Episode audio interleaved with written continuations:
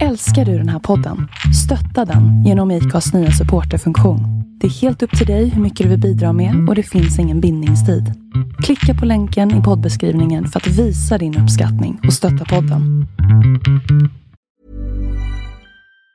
Mom deserves the best, and there's no better place to shop for Mother's Day than Whole Foods Market. They're your destination for unbeatable savings, from premium gifts to show-stopping flowers and irresistible desserts. Start by saving 33% with Prime on all body care and candles. Then get a 15-stem bunch of tulips for just $9.99 each with Prime. Round out Mom's menu with festive rosé, irresistible berry chantilly cake, and more special treats. Come celebrate Mother's Day at Whole Foods Market. Everyone knows therapy is great for solving problems, but getting therapy has its own problems too, like finding the right therapist, fitting into their schedule, and of course, the cost. Well, BetterHelp can solve those problems. It's totally online and built around your schedule. It's surprisingly affordable too. Connect with a credentialed therapist by phone, video, or online chat, all from the comfort of your home. Visit betterhelp.com to learn more and save 10% on your first month. That's BetterHelp H E L P. Hey, I'm Ryan Reynolds. At Mint Mobile, we like to do the opposite of what Big Wireless does. They charge you a lot, we charge you a little. So naturally, when they announced they'd be raising their prices due to inflation, we decided to deflate our prices due to not hating you. That's right. We're cutting the price of Mint Unlimited from $30 a month to just $15 a month. Give it a try at mintmobile.com slash switch. $45 upfront for three months plus taxes and fees. Promo rate for new customers for limited time. Unlimited more than 40 gigabytes per month. Slows. Full terms at mintmobile.com. Hej och välkomna ska ni vara till ett nytt avsnitt utav Sveriges mest tongivande podcast. Två låtar och en kändis. Denna veckas gäst har en gedigen fotbollskarriär då han har blivit utsedd till Smålands bästa fotbollsspelare inte mindre än två gånger år 1983 och 1987. Han har också fått Smålandspostens guldmedalj och guldnål 83 och 87 där också. Men det är bara en liten del. För utöver det så har han gjort över 200 matcher för Öster där han också vann två SM-guld 1980 och 1981. Det blev sedermera också 38 allsvenska matcher för IFK Göteborg samt 41 A-landskamper och där han blev en stor grabb år 1981. I majoriteten utav alla sina matcher har han ena stunden blivit påhejad och i nästa stund utskälld av den 30 minuter yngre tvillingbrodern mellan stolparna. I slutet av sin karriär så valde han också att bli tränare för klubben i sitt hjärta Öster mellan åren 1997 till 1998.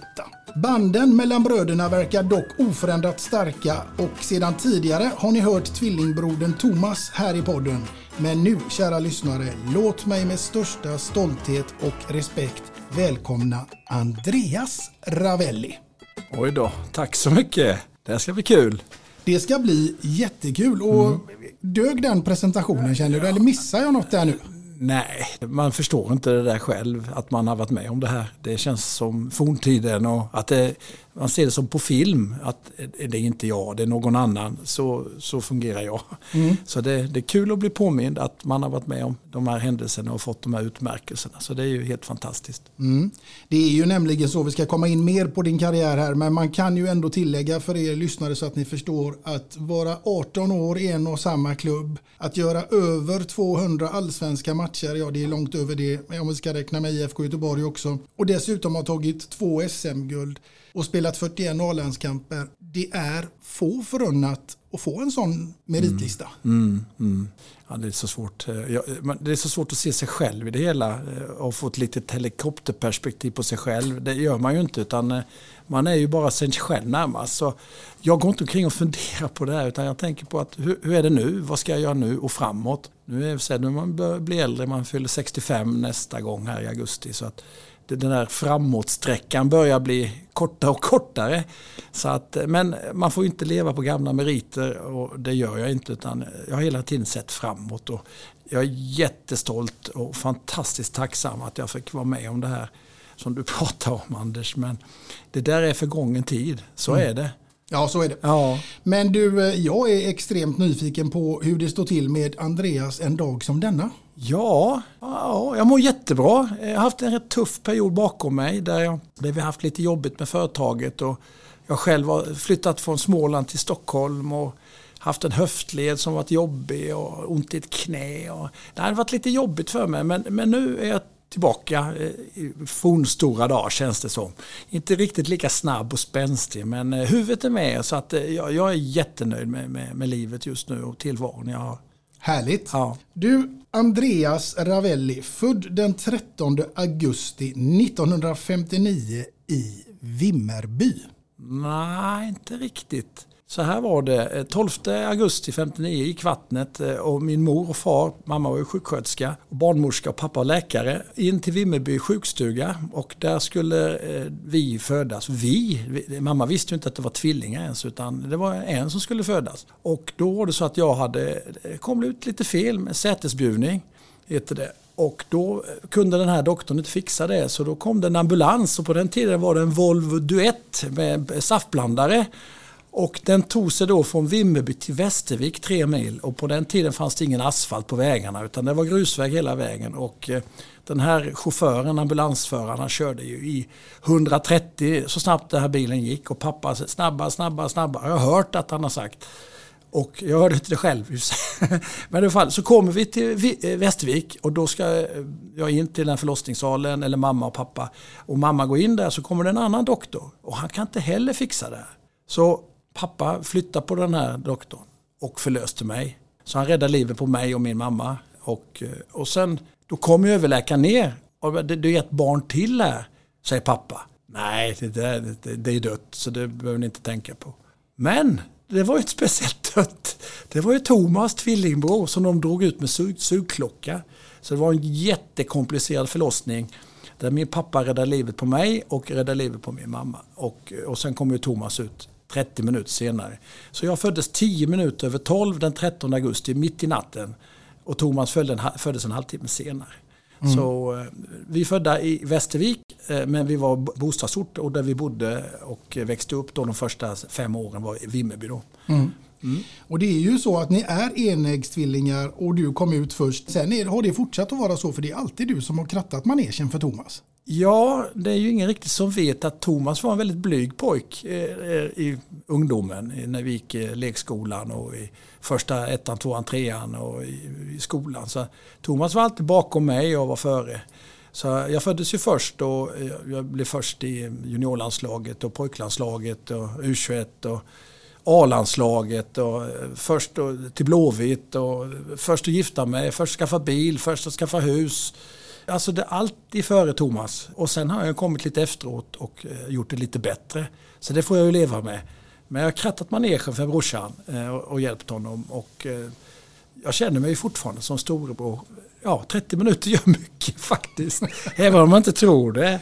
Men det intressanta är då efter Thomas tog straffen VM 94 så jag blir ju mer eller mer bortglömd och alla tror jag är Thomas. Jag får ju leva med det. Men eftersom jag är storbror och den starke då fixar jag det. Så jag får ju alltid berätta att jag inte är Thomas.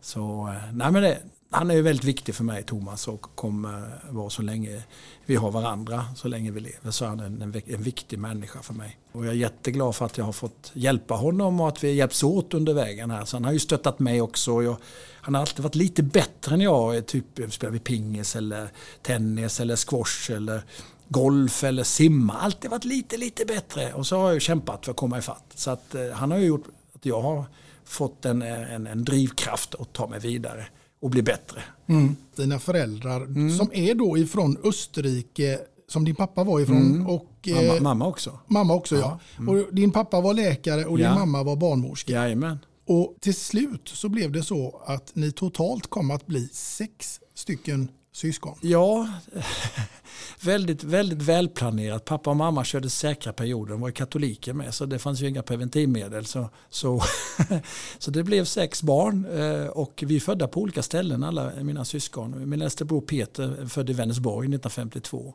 En syster som är född 55 eh, i Kiruna och så en brorsa som är född 57 i Säffle. Och så Thomas och jag då i Vimmerby, eller så sagt i Västervik 59. Eh, och lillebrorsan i Åtvidaberg, Linköping 1965. Sen flyttade vi till Växjö 69 och så blev det inga mer. Så jag vet att min mamma, alltså det är en historia, jag vet inte tusan om jag kan våga berätta den här, men det gör jag ändå. Eh, hon hade druckit lite vin och eh, det tror det var en julafton. Vi sitter hemma och så, så ja, varför blev det inte fler barn? Ja, till slut så säger hon då att hon var hon var i Stefans dom i Wien, eh, den stora fina kyrkan. Hon har varit i Wien någon gång. Fantastiskt. Då skulle hon gå och bikta sig där. Så går hon och biktar sig och sätter sig i biktstolen och, och prästen så börjar hon prata och till slut så kommer hon fram till att jag måste, jag måste ju fråga det här. Så frågar hon till slut, får, får jag börja använda preventivmedel? Då blir det precis tyst inne på andra sidan där. Prästen säger ingenting och, eh, och till slut så säger prästen, han skäller ut mamma till den milda grad att allt liv är heligt och så vidare. Du vet, du har ju sett filmen med Monty Python, att eh, the life is sacred och så vidare. Varje spermie. Hon kör, han kör hela programmet. I fem minuter får mamma hur mycket skit som helst. Ja, när han är klar med det så, så säger mamma alldeles tyst. Ich habe sex Kinder. Jag har sex barn på tyska. Då blir det tyst inne från prästen. Så tar det ungefär tio sekunder så säger prästen det är okej. Okay. Då fick hon, då blev det inga mer. Detta var 1967 och sen dagen efter när mamma hade berättat det, jag tror det var på juldagen, mamma stämmer det? Nej, nej Andreas, jag bara skojade med dig hela tiden, så, jag, så vill hon inte erkänna det. Det är en fantastisk historia. Så det, det blev vi sex eh, syskon som är väldigt tajta. Ja. Den, den, min bror Stefan som är född 57, för tre år sedan så flyttade han tillbaka till Österrike. Så han bor i, i närheten av den byn där min mamma är född. Det heter Milstadt, Milstättes i södra delen av Österrike. Ungefär 4-5 mil från slovenska gränsen är min mamma född. Och eh, det är också en historia, min, min mormor var också barnmorska. Hon körde motorcykel sedan hon var 76. Oj. Så hon var med över 4 000 födslar. Och en av de här killarna som hon var med och födde fram var Frans Klammer den skidåkaren. Ja, ja, ja. Så det står på mitt CV att är du bra på att åka skidor? Ja, ja, min, min mormor förlöste Frans Klammer. Så det betyder att jag är bra på att åka störtlopp. och pappa är född då i, utanför Lienz i, eller i Osttirol, Osttirolen. Det är också tre kilometer på gränsen till Italien. Den lilla byn heter Siljan, precis som sjön uppe i Dalarna. Där är pappa född 1919.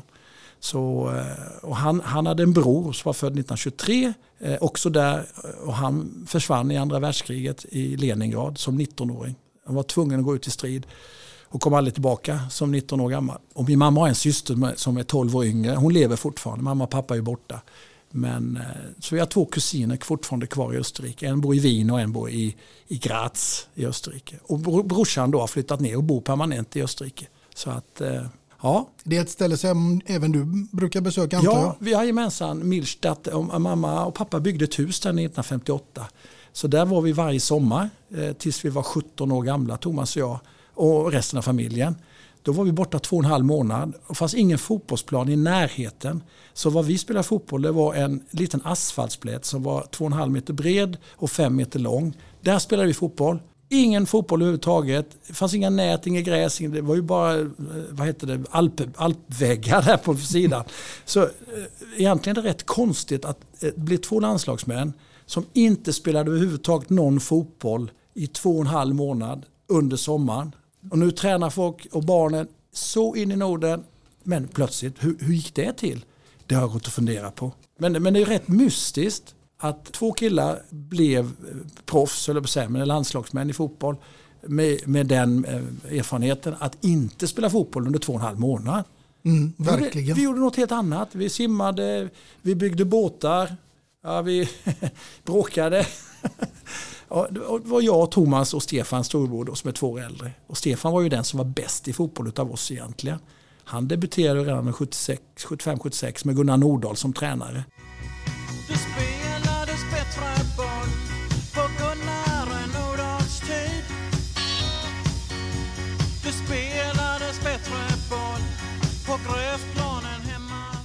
Och eh, Stefan var ju kulspruta och gjorde mycket mål som helst. Eh, men han slutade när han var 20 år, tyckte inte det var roligt längre.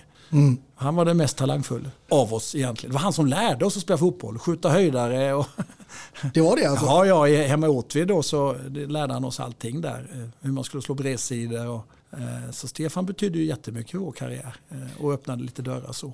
Åtvidaberg är ju en klassisk fotbollsort. Ja, det är helt fantastisk. Nu åkte de ju ur här ja. eh, ner i tvåan, så det var jätteledsen. Det är fortfarande en klubben i mitt hjärta. Det är Öster och det är Åtvidaberg och IFK Göteborg som jag tittar väldigt mycket på. Mm. Du, eh, var det självklart för dig att det skulle bli fotboll när du var liten? Alltså jag vet inte, vi höll ju på med så mycket, jag och min bror. Och, alltså, men, eh, vi spelade ju golf och vi började faktiskt med att simma när vi var fem år. I, i Åtvidaberg bodde vi då och, ehm, och så började vi träna simning. Och, och, så fanns det ju ingen fotbollsträning förrän man var tio år gammal. Så vi hade en fotbollsplan utanför där vi bodde. En fin fotbollsplan med riktiga mål och nät. 20 meter från där vi bodde, så där var vi spelade jämt. Men så fotboll var det roligaste vi visste. Men vi var ju duktiga i många alla, alla andra idrotter också. Men fotboll, det var det som vi brann för och tyckte var roligast. Och pappa var ju även fotbollsläkare i Åtvidabergs FF då. Mitt av 60-talet där med Jolle Gustafsson, Uffe Blomberg och Väinö Wallinda. Alla de där. De blev idoler för oss. Kent Karlsson och Lilian Olsson och Bosse Augustsson. Så fotboll var det som vi brann för och det som vi tyckte var roligast. Mm. Ja, och det tog ju ganska långt och på ja. många gemensamma vägar. Mm, verkligen. Ja, nej, det har varit en otrolig resa när man ser det här i efterhand. Och som sagt, jag har så svårt att se tillbaka. Jag ser inte att det är jag, utan jag tror att det är någon fiktiv person som har gjort det här. Det är någon annan Andreas, inte jag, i ett annat liv. Så här känner jag. Att det, är, det, är, det är så långt tillbaka så att jag, det är svårt att ta in. Så mm. är det faktiskt. Du Andreas, den här podden den handlar ju naturligtvis en del om dig och din karriär men också om ämnet musik som jag tänker är någonting som berör oss alla människor på ett eller annat sätt. Och självklart så måste jag ju fråga dig hur musiken berör dig rent allmänt här i livet. Jättemycket, verkligen. För mig är musik det här när man mår bra då spelar jag jättemycket musik eller man är på fest eller kalas. Och då vill jag ju ta över musiken men det har ju folk lärt sig nu att Andreas Ravelli ska inte komma nära någon typ av anläggning eh, eller någon, någon typ av knapp som sköter musiken för då, då blir det 30 sekunder och så blir det en ny låt. Så jag lyssnar aldrig färdigt på en låt. Men jag älskar musik och har alltid tyckt eh, musik är jätteviktigt för, för mig. Då måste, för jag tänker att vi kom in på det förut att du är verkligen den som har varit först med allting. Mm. Och då misstänker jag att du var även först utav er med att köpa en alldeles egen platta för egna ja. pengar. Ja, just det. Usch, ja, men alltså, Thomas tror jag var före med att köpa skivor, det måste jag erkänna.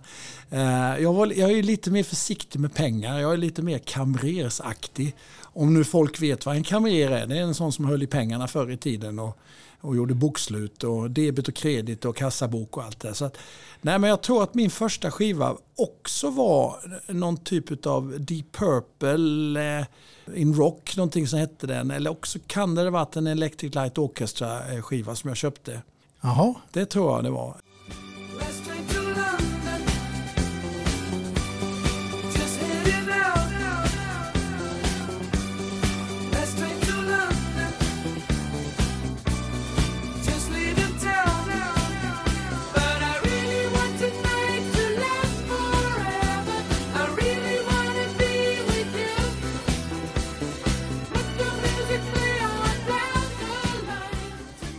Ja, någon av de där, jag kommer inte riktigt ihåg vilken av, av dem det var, men någon av de här var det. Mm. Mm. Men eh, vi ska se om du istället kanske kommer ihåg vad som är ditt absolut första musikaliska minne som du kan härleda till från en sån där tidig, tidig ålder.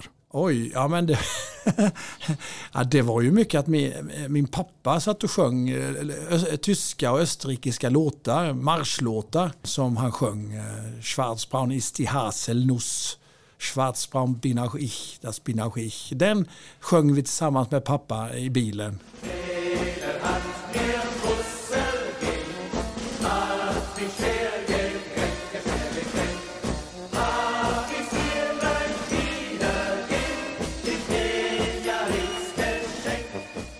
Nu pratar vi kanske ja, när man var fem, sex år gammal. Mm.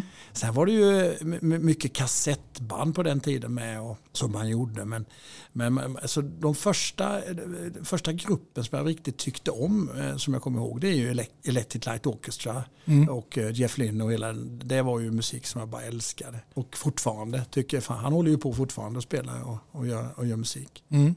Ja, ja verkligen. Var det, svar, var, det, var det svar på frågan? Ja, men det är väl ett trevligt minne ändå. Ja, ja men sen är det ju också det här med Bee Gees. Det är ju, det är ju någon slags hatobjekt för mina kamrater. Och jag älskar ju The Bee Gees, alltså du vet Saturday Night Fever, den filmen kom och så vidare. Då var man ju helt till sig. Det var också en sån här dubbel-LP som man köpte. Mm. Och lyssnar fortfarande på. Eh, första sidan på, på den eh, skivan är ju, det är ju fem eh, kanonlåtar som fortfarande spelas på radion jättemycket. Mm. Men det är ju kastratsångarna, pojkarna i The Bee Gees, tre bröder, var en fortfarande lever då, den äldste. Mm. Nej men mina vänner tycker inte om att jag spelar fortfarande för mycket Bee Gees på, och min fru, åh måste du spela den här musiken igen.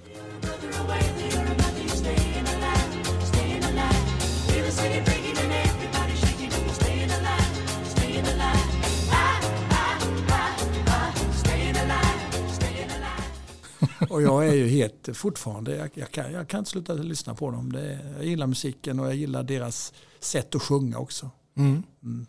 Du, eh, vi ska gå tillbaka lite mer här nu till ämnet musik och eh, även så Andreas Ravellis fantasi som du ska få använda lite nu Oj. när du ska befinna dig i följande scenario. För nu ska du vara på en öde ö ja. och du ska vara där i ett helt år. Mm. Du får bara ta med dig en enda platta till den här öde ön. Ja. Och då undrar jag ju, vad blir det? Ja, då tar jag med mig eh, Saturday Night Fever, eh, dubbel-LP eh, med The Bee Gees.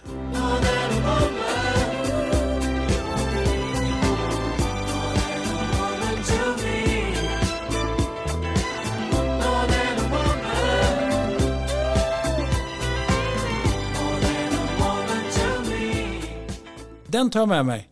Absolut. Då klarar du dig på Då en klar, där? Lätt, jag kan spela den flera, flera gånger. Jag tröttnar aldrig på den där musiken. Nej. Jag, jag, varför, är det, varför är det så?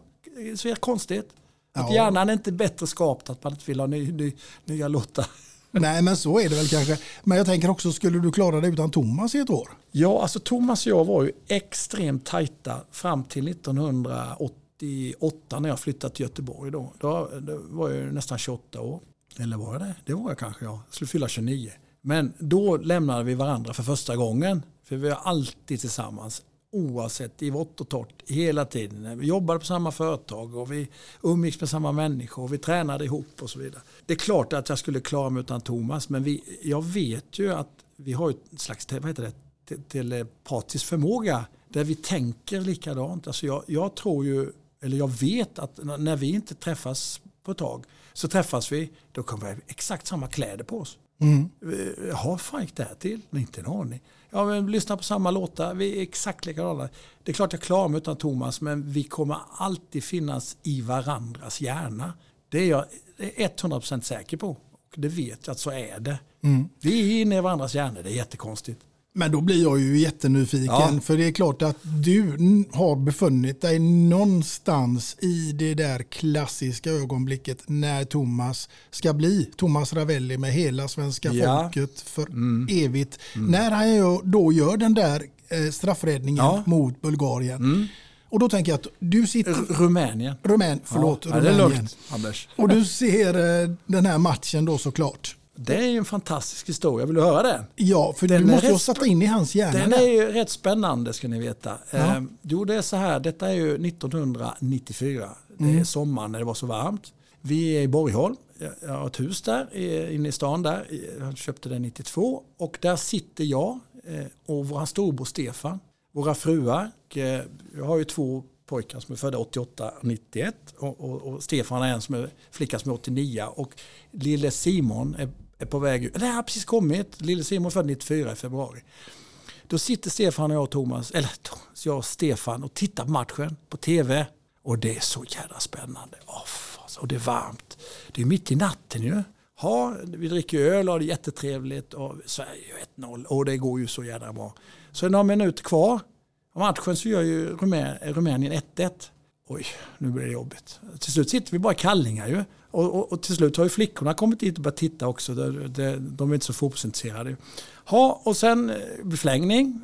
Oh, vad händer? De gör 2-1 på en gång. Vet. Och så blir ju Schwarz, nej var det Tern som blev utvisad? Eller Schwarz? Ja, en blev utvisad, jag kommer inte ihåg. Det är så länge sedan. Ha, ja, det går ut för Anders där. Och så går Kenneth upp och nickar in 2-2. Han är ju uppe i molnen och nickar in där. förlängning, straffar. Jag säger till Stefan, nu kommer Thomas ta minst en straff. Hur fasen kan du säga det? Ja, men jag känner det på mig. Ja, kommer ju straffarna. Vad händer? Ja, han tar ju en först då. Och sen tar han den avgörande straffen. Belodedic mot Ravelli. Här springer han fram mot bollen och skjuter där. Och Ravelli... Han räddar! Han räddar! Och Sverige är i VM-semifinal! Sverige är i VM-semifinal! Oj, oj, oj, Stefan hoppar rätt upp två meter i luften, landar på parkettgolvet och rasar rätt ner i torpargrunden. Förstör hela golvet. Men vad fan är det som händer? Ja, och vi har ju druckit öl och är så glada. Öppna dörren, hela Borgholm skriker ju. Och det är halv två på natten. Vad händer? Jo, Stefan och jag klär om. Går upp och duschar, klär om. Går ner på Strand hotell. Det är fest till klockan sex på morgonen. Vi har så jävla roligt. Gå hem, gå och lägger mig. Ha, stiger upp dagen efter. Halv tio, tio, rätt sliten. Ja, så får ju damerna för sig vi ska gå ner på Borgholm där på, på gatorna, på gågatan. Ja, jag följer väl med då. Stefan följer med. Jag tar solglasögon på med keps.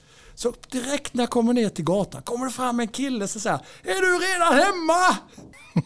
Vadå?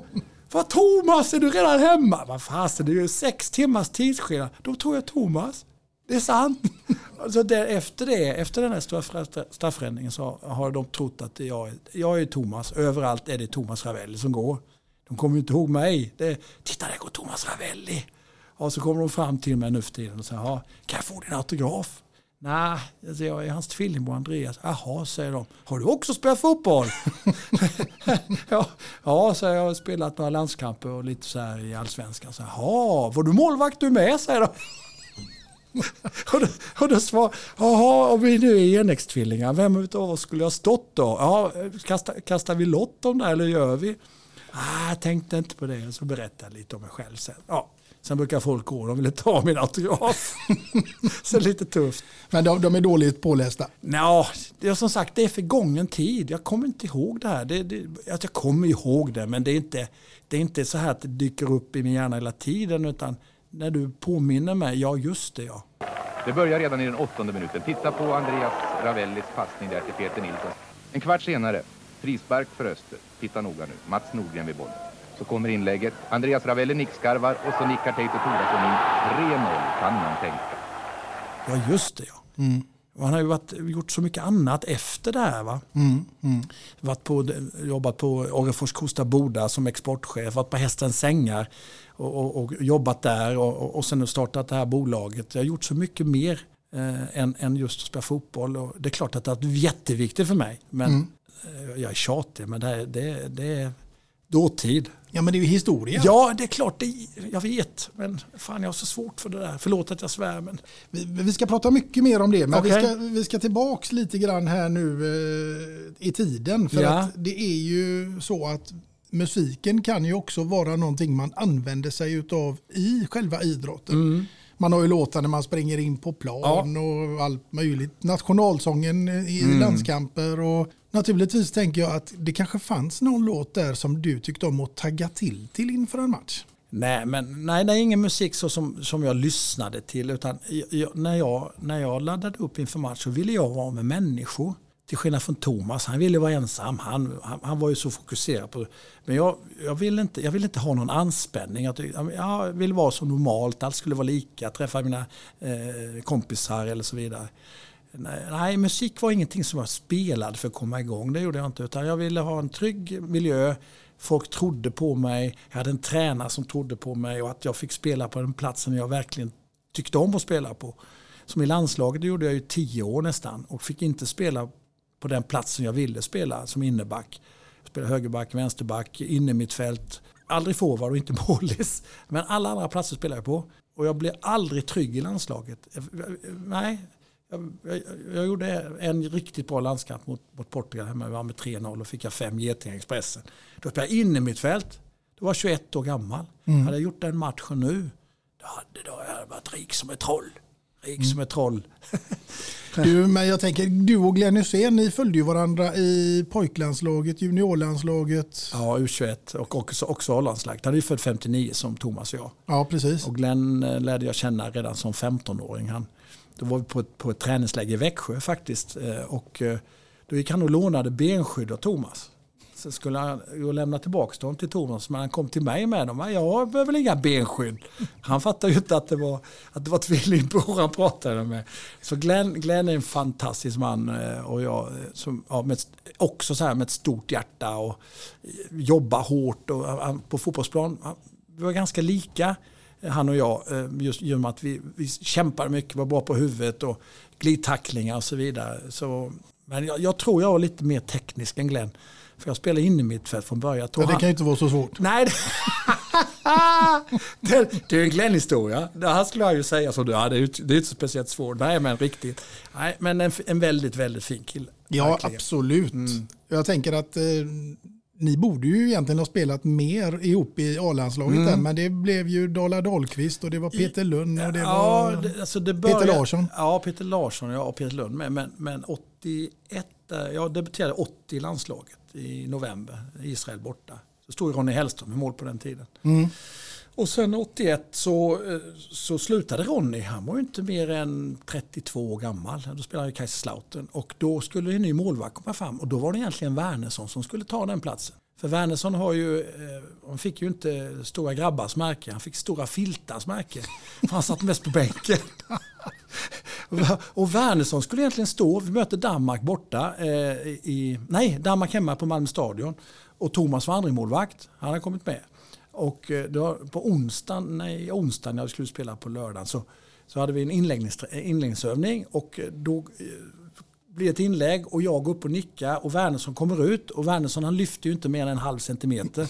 Han, alltså han, han hade kardborreband under fötterna så han, han, lyfte inte. Så jag, jag kommer upp och nickar och Wernersson når ju inte upp. Jag nickar in det och så landar Wernersson så han eh, bry, inte bryter, han, han vrickar foten, fotleden.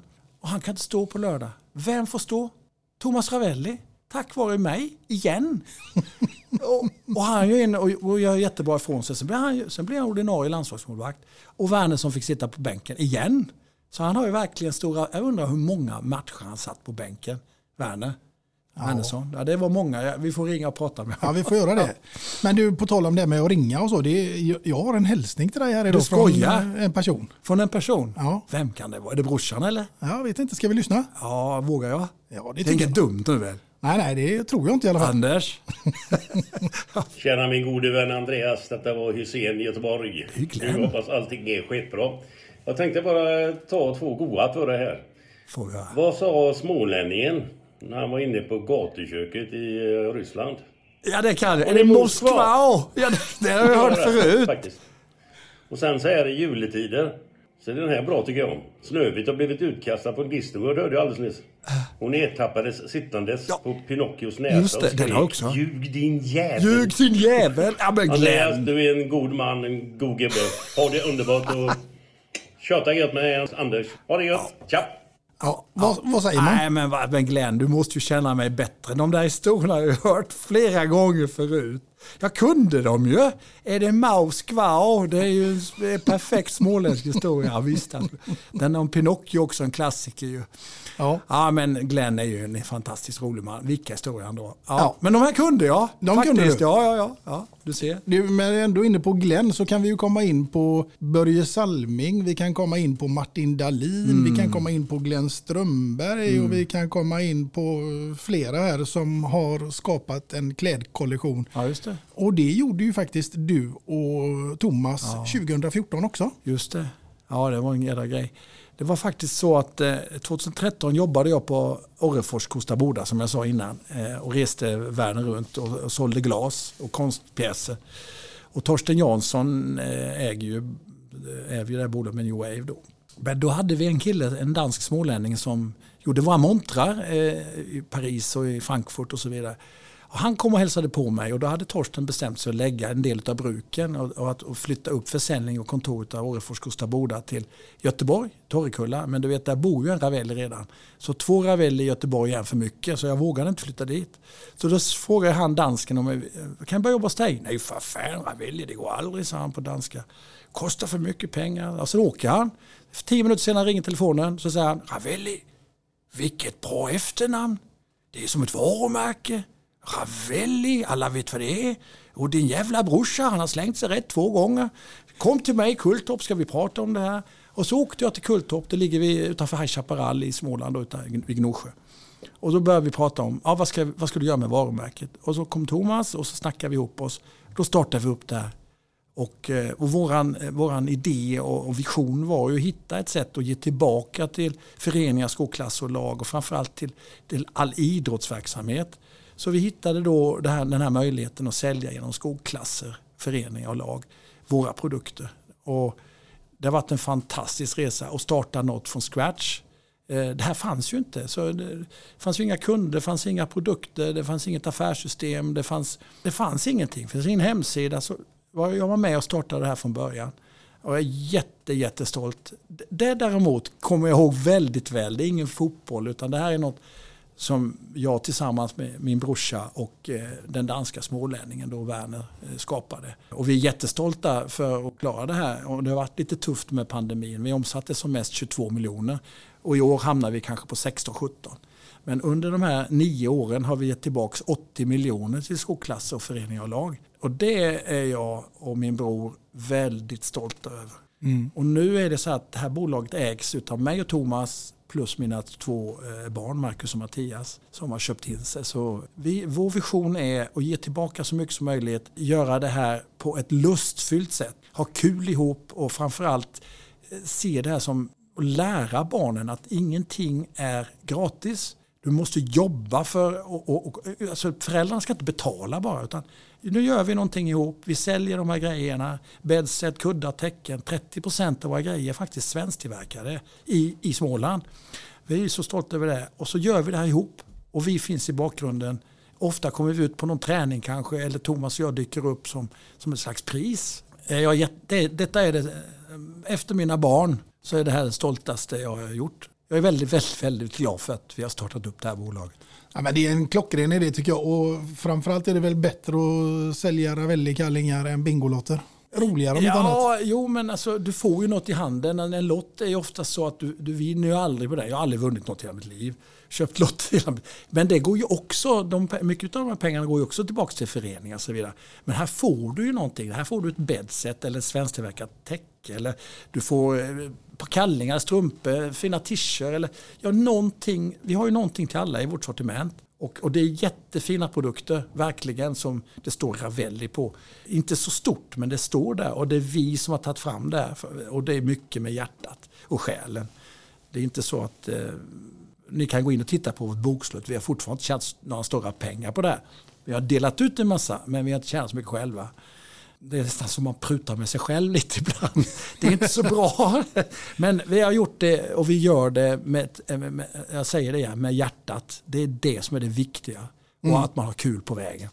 Du, det tänker jag faktiskt också är någonting som egentligen borde gälla ute på fotbollsplanen också. Mm. Och det tycker jag man kan efterlysa idag lite grann. Att den där glädjen Alltså jag har hittat det där riktigt och jag ser mer 22 robotar som springer där ute. Oh, du är så rätt ute så klockorna stannar. Ja, men, alltså, det här med att ha lagkänsla. Alltså, det, det går tillbaka till, bara till mig själv. Nu är det så länge sedan, men 18 år i samma klubb. Jag menar, 28 år gammal till slut. Blåvitt köpte mig, men jag ville inte ens dit. Jag ville vara kvar i min klubb. Det är min klubb. Det, jag, det, det var, så, det var som ben och märg för mig.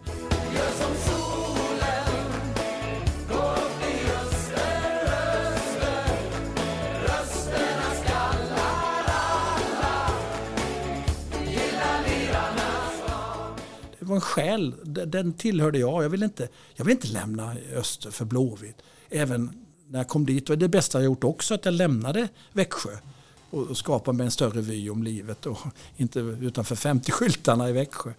Men just att viktigt som tusen med lagkänsla och att man spelar för laget. Nu ser man bara alla ska vara som Zlatan.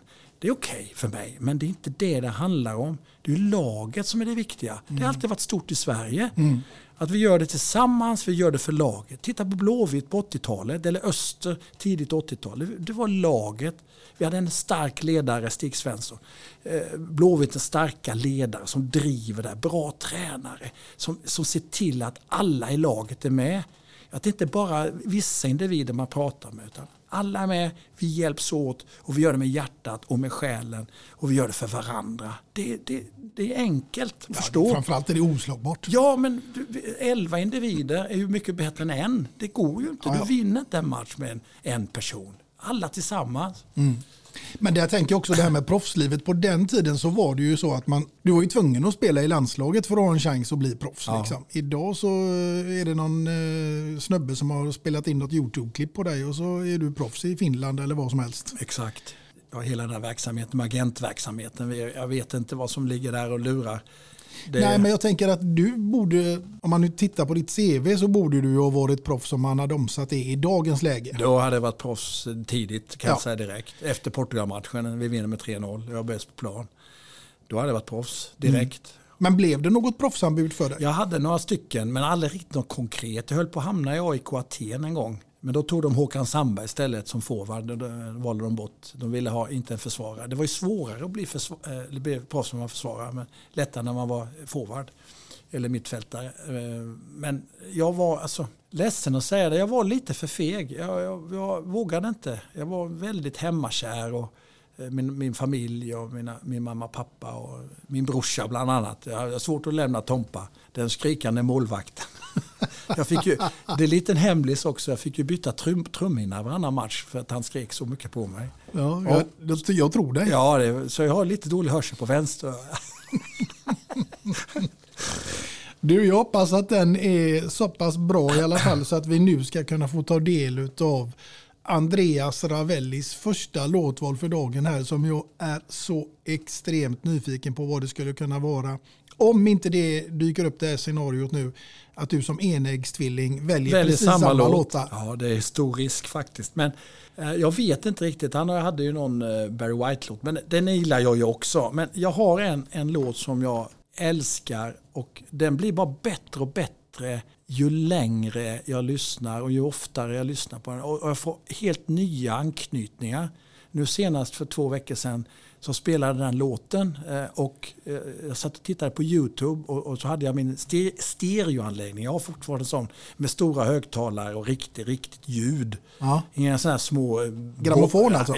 Ja, nej, det, gick genom min telefon men, men, genom en förstärkare och stora högtalare. Riktigt stora högtalare. Ja. Då spelade den låten och då plötsligt fick jag min, Eh, min sons dotter på tre månader i knät. och då äh, spelade vi den här låten. Och då gick den samtidigt som hon tittade på mig. Två, tre minuter. Helt så här. Pff, jag fick så, sån kontakt med henne. Och då spelade den här låten. Och den, var, den, den är så fantastisk och texten är eh, väldigt, väldigt, väldigt djup.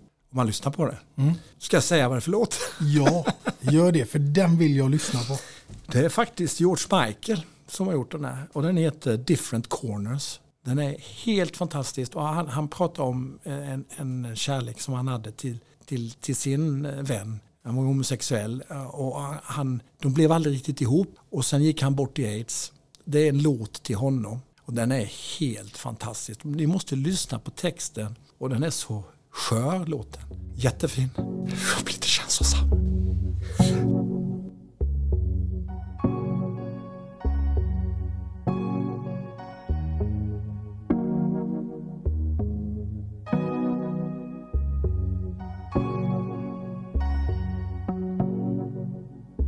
I'd say love was a magical flame. I'd say love would keep us from pain.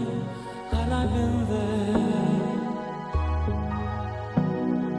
had I been there, I would promise you all of my life. But to lose you would cut like a knife, so I don't dare. No, I don't dare.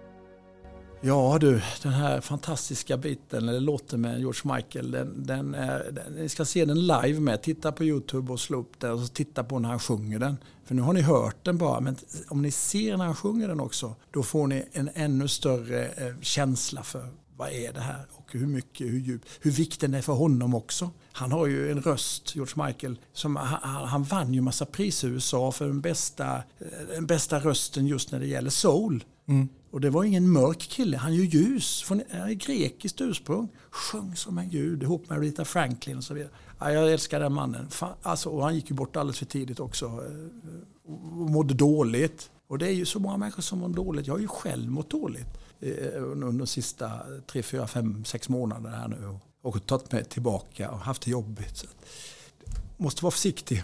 Mm. Det där med psykisk ohälsa, det är någonting som är ganska vanligt idag. Ja, men ingen pratar ju om det. Nej, ingen vill prata Jag om menar det. att man får typ stämningshöjande. Jag vet inte hur många människor som går. Jag har ju, jag har ju ätit dig i tre, fyra månader från januari fram till april, maj. Och det har ju hjälpt mig jättemycket. Så att, eh, och sen, när man äter de här tabletterna då, blir, då tappar man ju lite, eh, då gråter man ingenting. Så nu, nu, nu måste jag ta igen det där, i den här podden. så att, eh, ja, lätt, lätt i känslor. Och det är viktigt som fasen att man hittar dem och hittar tillbaka sen också. Absolut. Att- Absolut. Nej, men så är det verkligen. Jag tänker också att just det där med musiken och texterna kan ju vara så himla... Ja, man, Mm. kan, man kan ju bli skör, men det kan ju också vara läkande. Exakt, exakt. Ja, jag håller med dig. Jag är helt på dig. Vad, Så vad det- kände du nu när du hörde den här? Liksom, är det... Nej, men det går ju tillbaka när man hör den första gången och framförallt nu sista, senaste gången jag hörde den när jag fick min lilla dotterdotter Adrienne i knät och fick ögonkontakt så det var small om det i, i tre minuter. Bara tittade hon på mig. Vad är det? Ja, vad är det som hände? ja, det är helt Jättesvårt. underbart. underbart. Ja, så är det. Du, eh, vi ska ta oss ifrån eh, den Mm. Låten. För nu tänker jag att vi är hemma. Du är hemma rättare sagt. Ja. Och, och du går med dammsugaren. Ja, Och så dyker det upp en låt på radion där, som där du känner liksom att nej, Ja. inte en chans. Det här åker rätt off. alltså något dåligt? Ja, Oj. Åh. Nej, men jag har jättesvårt för hårdrock. ja, Jag kan inte, det går inte, jag förstår inte den. Men jag har, alltså, allt som, som är tuff, hård, hårdrocksmusik, då stänger jag av. Det går inte. Nej. Men jag- har inget speciellt, men hårdrock, eh, forget it. Då dör hästen i mitt huvud. Pung! Ja, det, det, det, det, det går inte, jag klarar inte av det. jag, kan inte, jag är inte någon speciell eh, låt, men, men sen alla de här hårdrocksbanden, det, de låtarna som de lyckas med, det är de här balladerna. The world is closing in. And did you ever think that we could be so close, like brothers? Future's in the air, can feel it everywhere, and blowing with the wind of change. Jag är ingen hårdrockare. Nej, nej, nej, inte jag är, det, är det bra svar? På, Ja, ja, ja absolut, ja. absolut. Men du, jag ska berätta, jag, jag gick på en, en, en sån här, ett aprilskämt. Detta, nu är det säkert 35-40 år sedan. Ja. Hade Dagens Nyheter, Sten Broman, kommer ni ihåg honom? Ja, ja, ja, ja. Han var, hade ju den här tv och grejer. Och han med skägg, sån pipskägg hade han och gillade ju klassisk musik. Då hade då Pioneer, det finns andra också varumärken, men det, en förstärkare tagit fram ett speciellt eh, filter som var gjort för Sten Broman. Då kan man trycka in en knapp, då kom det ut några dragspel ur förstärkaren. Det var gjort för, för Sten Broman klarar inte dra- dragspel. Jag trodde det var sant. Alltså, jag måste ha en så för jag gillar inte eller dragspel. På riktigt. Alltså, hur dum får man bli? Gick du och köpte en sån då? Ja, jag trodde. Jag gick ner och frågade. Du, den här nya förstärkaren med dragspelsfilter. Kan man köpa den här?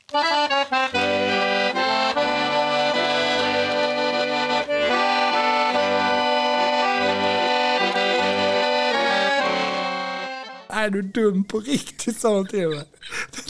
Detta är början, jag kan ha varit någon gång i början av 80-talet. Eller ja, eller var det slutet av 70 Jag kommer inte ihåg. Men jag gick på det fullständigt.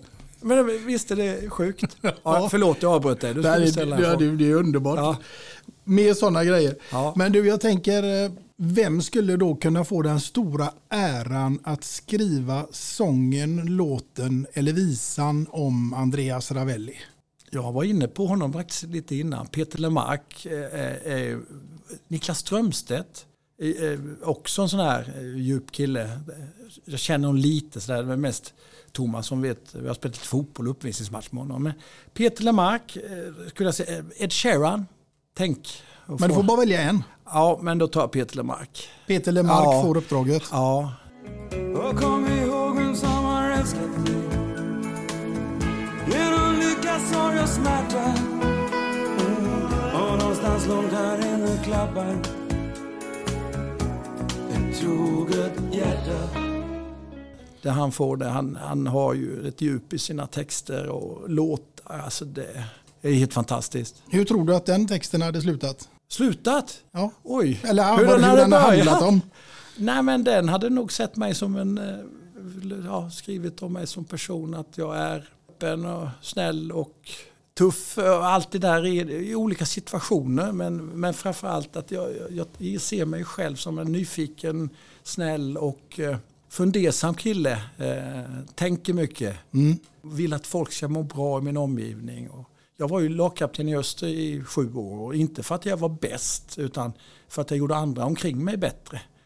Och sådana spelare finns det ju inte så många av längre. Utan de, det är ju ego, ego, ego. Det är jag, jag, jag. Utan det är den bästa egenskapen. Jag vet att vad heter hon, eh, Seger i Caroline. Ja, hon nämnde också den egenskapen. Att hon får höra det om andra, att, att hon, gjorde an, hon gör andra omkring sig bättre. Och det är en egenskap som jag eh, högaktar på riktigt. Jag försöker vara en sån person även om jag inte kanske är det jämt. Och att folk ska må bra i min omgivning. Framförallt är det ju något som, om jag tänker tillbaka själv när man var yngre liksom, Mm. och kom upp och skulle träna med seniorer, seniorer och sådär. Jävligt viktigt att man blir väl omhändertagen, liksom, Ja. annars blir man ju helt knäckt. Ja, ja jag vet det. Det var en kille som heter Erik Lundgren. Han hamnade just eh, som 20-åring. Och eh, han hamnade mellan eh, två killar. Han fick hänga upp då mellan två killar och det var Thomas och Andreas Ravelli. han var sex år yngre än oss så han kom dit och, och han var ju jätteorolig. Men han berättar för mig nu, vi är ju kompisar nu, och han berättar, det var, det, det var så otroligt omhändertagna, eller omhändertagande för mig. Så att eh, ni, ja, på riktigt, han var ju jätte, jätteglad att han hamnade där. Vi tog hand om honom. Mm. Och, eh, även om vi var väldigt tuffa på plan och sådär så är vi ju helt andra människor utanför banan. Det är ju ingen, det är ingen som vet, eller de kanske, men alla vet hur, hur vi är som personer utanför fotbollsplan. Och ju äldre man blir desto mjukare blir man ju. Ja, Så absolut. det vet du själv. Det, det känner jag igen. ja, ja. Mom deserves the best, and there's no better place to shop for Mother's Day than Whole Foods Market. They're your destination for unbeatable savings, from premium gifts to show-stopping flowers and irresistible desserts. Start by saving 33% with Prime on all body care and candles. Then get a 15-stem bunch of tulips for just $9.99 each with Prime. Round out Mom's menu with festive rosé, irresistible berry chantilly cake, and more special treats. Come celebrate Mother's Day at Whole Foods Market. Hey, I'm Ryan Reynolds. At Mint Mobile, we like to do the opposite of what Big Wireless does. They charge you a lot, we charge you a little. So naturally, when they announced they'd be raising their prices due to inflation, we decided to deflate our prices due to not hating you. That's right. We're cutting the price of Mint Unlimited from $30 a month to just $15 a month. Give it a try at mintmobile.com slash switch. $45 upfront for three months plus taxes and fees. Promo rate for new customers for limited time. Unlimited more than 40 gigabytes per month. Slows. Full terms at mintmobile.com. Hiring for your small business? If you're not looking for professionals on LinkedIn, you're looking in the wrong place. That's like looking for your car keys in a fish tank. LinkedIn helps you hire professionals you can't find anywhere else, even those who aren't actively searching for a new job but might be open to the perfect role. In a given month, over 70% of LinkedIn users don't even visit other leading job sites. So start looking in the right place. With LinkedIn, you can hire professionals like a professional. Post your free job on linkedin.com slash people today. Nice. Yeah. What you're hearing are the sounds of people everywhere putting on Bombas socks, underwear, and t-shirts made from absurdly soft materials that feel like plush clouds. Yeah, that plush. And the best part? For every item you purchase, Bombas donates another to someone facing homelessness. Bombas. Big comfort for everyone. Go to bombas.com slash ACAST and use code ACAST for 20% off your first purchase. That's bombas.com slash ACAST. Code ACAST. Millions of people have lost weight with personalized plans from Noom, like Evan, who can't stand salads and still lost 50 pounds. Salads, generally, for most people, are the easy button, right? For me, that wasn't an option. I never really was a salad guy. That's just not who I am. But Noom worked for me. Get your personalized plan today at Noom.com. Real Noom user compensated to provide their story. In four weeks, the typical Noom user can expect to lose one to two pounds per week. Individual results may vary. Ja. Du, eh, nu ska vi ge oss in i ett scenario som är ganska spännande. För nu ska du, Andreas Ravelli, hemma hos dig Mm. få ha en middagsgäst. Det är precis vem som helst. Det är bara fantasin här Ja. nu som sätter gränserna. Mm. Död eller levande. Jag vill veta vad du hade bjudit den här gästen på till middag. Oj. Vad ni hade haft för låt där i bakgrunden till den här fantastiska Mm. middagen. Och givetvis nu då, vem hade det här varit? Ja du, alltså jag, den jag skulle vilja prata med eh, det är faktiskt min farfar som jag aldrig fick träffa. Eh, han föddes 1887 i dåvarande Österrike-Ungern som nu är Sydtyrolen. I en by som heter Mezzana i Sy- Sydtyrolen nu. Han, skulle, han, han dog 52 som 66-åring. Han skulle jag vilja prata med. Han eh, var en väldigt speciell man. Han var med i första världskriget och blev skadad. Splitter i ögat och så fick han eh, en, eh, ett splitter i handen så han blev förlamad. Han var polis i en liten by, då i Siljan där min pappa var född som jag berättade innan. Och eh, under andra världskriget så eh, har jag ett diplom hemma som han fick för att han, han gömde brittiska, eh, amerikanska och franska eh, flygsoldater eller ja, fallskärmsjägare i hans källare för nazisterna. Och efteråt sen har han fått ett- stort diplom. eh, Det står på engelska och på tyska på baksidan från eh, ja, en, en eh, högt uppsatt engelsk militär. Att han hade gömt dem. Och så det är jag jättestolt. Honom skulle jag vilja prata med. Och jag skulle, jag skulle ganska enkelt ta fram en rätt som är nästan som vårt efternamn. Jag har bjudit honom på min farmors hemlagade ravioli. Ravioli. Hemlagad också? Ja, hon kunde göra eh, riktig pasta, eh, min farmor. Hon levde till 76, hon blev 77 år gammal. Stefanie hette hon och min farfar hette Cesar. Så honom skulle jag träffa faktiskt. Ja, men det hade blivit en bra kvinna. Oj, att få prata med honom. Ja. Jag, jag vet ju för att han, han blev ju av med en av sina söner i andra världskriget. Han kom ju aldrig tillbaka. Erwin hette han. Mm. var ju 20 år, 21 när han försvann. Kom, han saknade strid ju. Mm. Och pappa var ju också borta. Så han, eh, de visste ju inte var han var heller. Så han, han rymde ju från, från ett eh, fängelse där han blev inlåst. Han var ju, läste ju till läkare så han var ju aldrig i fronten. Så han var ju nere i, i Krim eh, och han var nere och var inte framme vid fronten men blev ändå skadad och blev sjuk. Men sen så var han nere i, i södra Österrike då när kriget tog slut. Och, och då blev han inlåst i ett engels, eller engelsmännen låste in honom. Då rymde han därifrån och gick 14 dagar hem över bergen och allting. Och så kom han hem och, och hans pappa visste ju inte, eller min farfar, om han levde. Nej. Så det där skulle vara intressant att fråga honom hur, hur det var. Hur var det att leva, upp, leva när, det, när Österrike-Ungern, när det slogs ihop och blev Österrike. Mm. Första världskriget och allt. Mm. Ja. Det skulle jag vilja veta.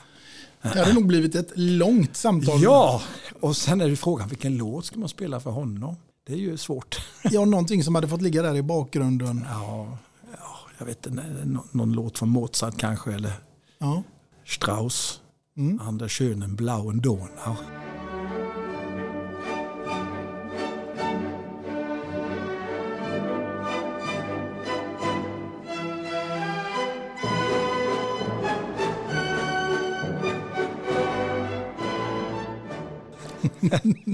Lyssnar du någonting på österrikisk musik? Ja, men jag, ja, nej, både ja och nej. Jag lyssnar lite på tysk musik, det gör jag ju. Men eh, det blir, det blir ju mycket eh, Eagles och Electric Light Orchestra och Ed Sheeran och Barry White och Bee Gees. Och... Sen gillar jag Peter Johansson och Bruno Mitsugallis. Vet du vilka det är?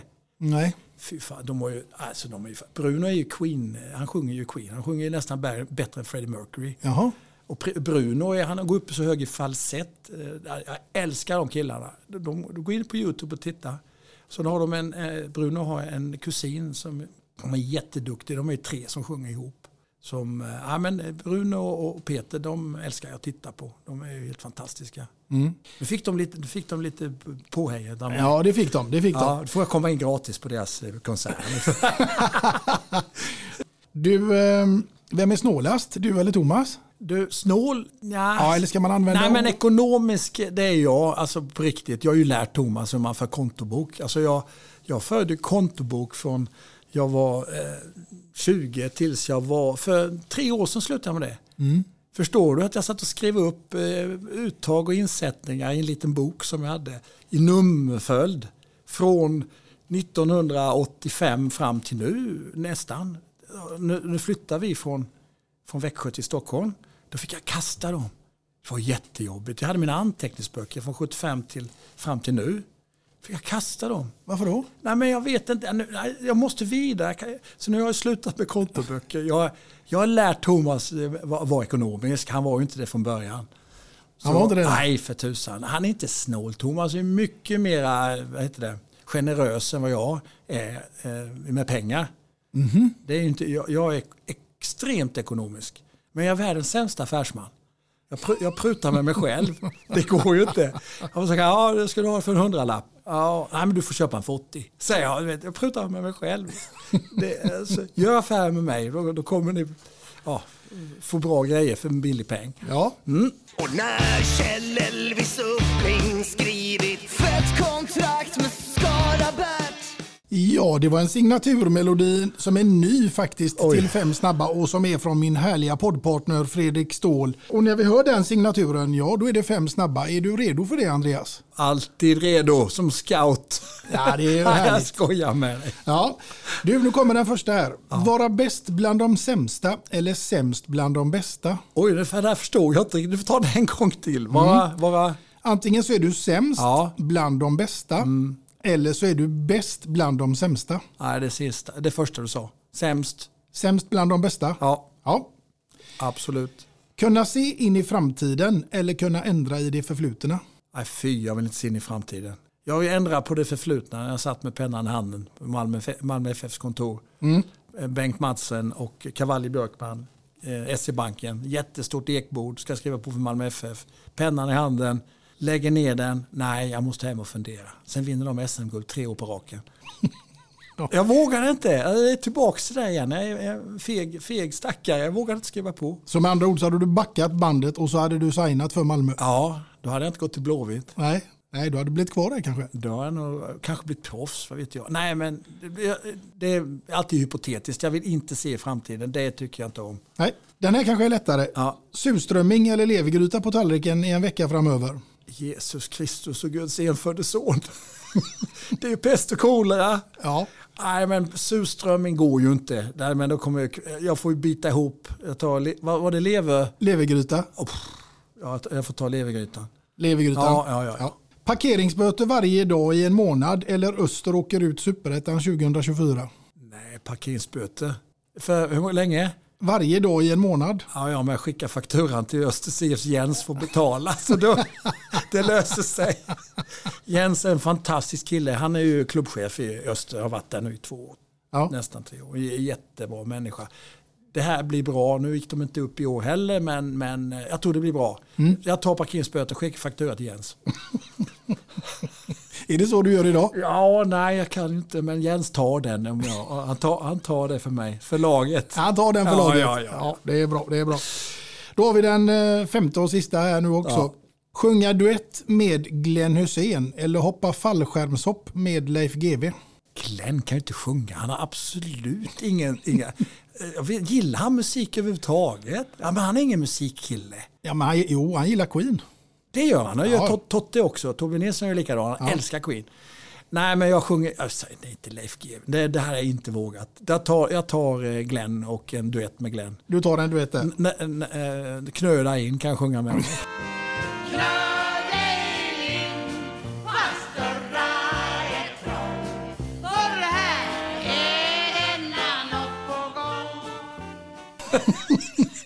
Ja, den kan han i alla fall. Ja, jag vet. Ja.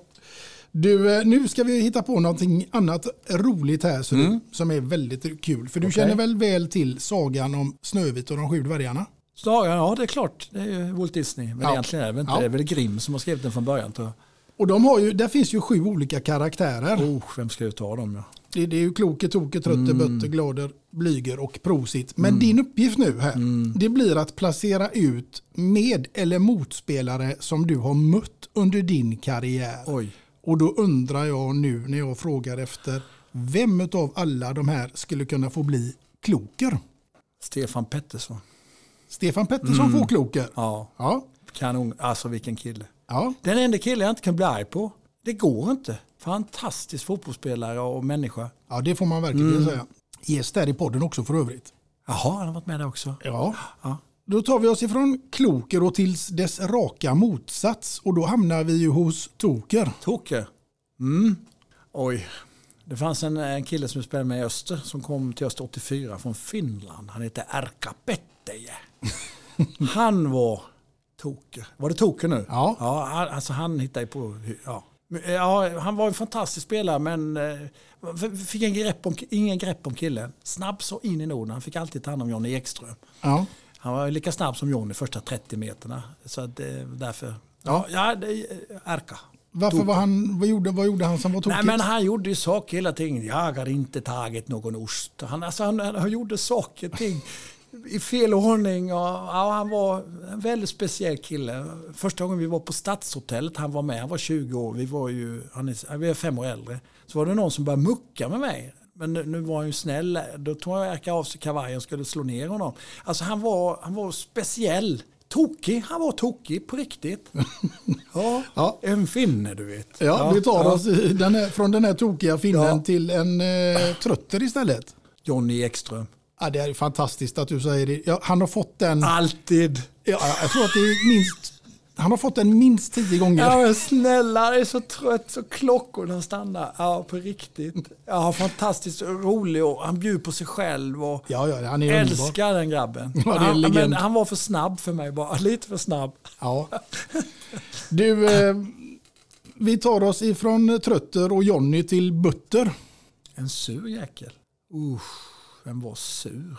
kommer ihåg. Vill du ha en ledtråd? Ja. Landskrona Boys. Inte Klas Kronqvist. Var inte det en sur jävel? Alltså det tror man. Han var mest arg. Ja. Och, och så gick han väldigt eh, rak i ryggen. Jag spelade ju mot honom några matcher eh, tidigt då, 79, när han var precis slutet av hans karriär. Nej, men han var tuff, men, ja, men säg att, att det är samma sak som Butter då. Han var tuff och var väldigt eh, elak var han på plan. Ja. Men en fantastisk människa utanför. Ja, men vi, vi tar Butter, jag kommer inte på något annat. Han får ta Nej, han det får också. den. Han får den Klas. Ja, han, ja. Att han blir arg på mig. För att jag kallar honom för Butter. Du, vi tar oss ifrån eh, Klasse och Butter till Glader. En glad jäkel. Då har vi ju bara Glenn. Hussein. Ja, Ja. glad skit. Alltid, alltid, alltid, alltid. Han har aldrig något negativt. Nej, det är bara en massa goa och Ja, konstiga ro- skämt. Rolig och bra att vara med. Ja, kul, kul kille. Ja, absolut. Mm. Du, vi tar oss ifrån Glenn Hussein och, och Glader till Blyger. En blyg pöjk. Ja du. Vi hade en kille i öster som hette Tony Westring. Ja. Jag fick aldrig grepp om honom riktigt. Han kom från eh, Virserum 84 tror jag. Född 65. Och jag fick ingen grepp om honom. Han var nog väldigt blyg. Ja. Duktig fotbollsspelare, väldigt bra med bägge fötterna. Vi spelade ihop några, några matcher, eller många matcher som innebackar. Han var höger och jag var vänster. Men jag tror att Tony var en blyg kille. Därför kom jag aldrig riktigt underfund med honom. Och, och fortfarande inte. Nej. Tony Westring. Tony Westring får Spelade den. lite i Frölunda med ett tag. Ja, ja oh, jag kommer ihåg. Ja, ja. Du, eh, då tar vi oss från Tony och Blyger till Prosit. Oj.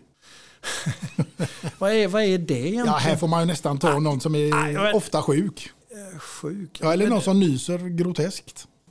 Helt plötsligt, vi pratade lite om honom innan du och jag, innan vi startade podden, vi pratade om, om Robban Prytz. Ja. Det låter nästan som Prytzigt, höll jag på att säga. Pro, så Robban blir Prosit nu. Robban blir Prytzigt. Ja, Prosit. Nej, men Robert Prytz, fantastisk kille, född 60, ett halvår yngre än jag, men också sådär som man har haft mycket med. Och, ja, jätte, jätte, jättefin kille. Mm. Vi har faktiskt en bra kontakt än idag, jag och ja, Robban. ja. Han är en bra kille, väldigt duktig fotbollsspelare. Eh, han, han sa att han var 1,70 men eh, jag har mätt honom i sömnen utan han vet om det. Han var bara 1,67. Var det du och Hysse? Ja.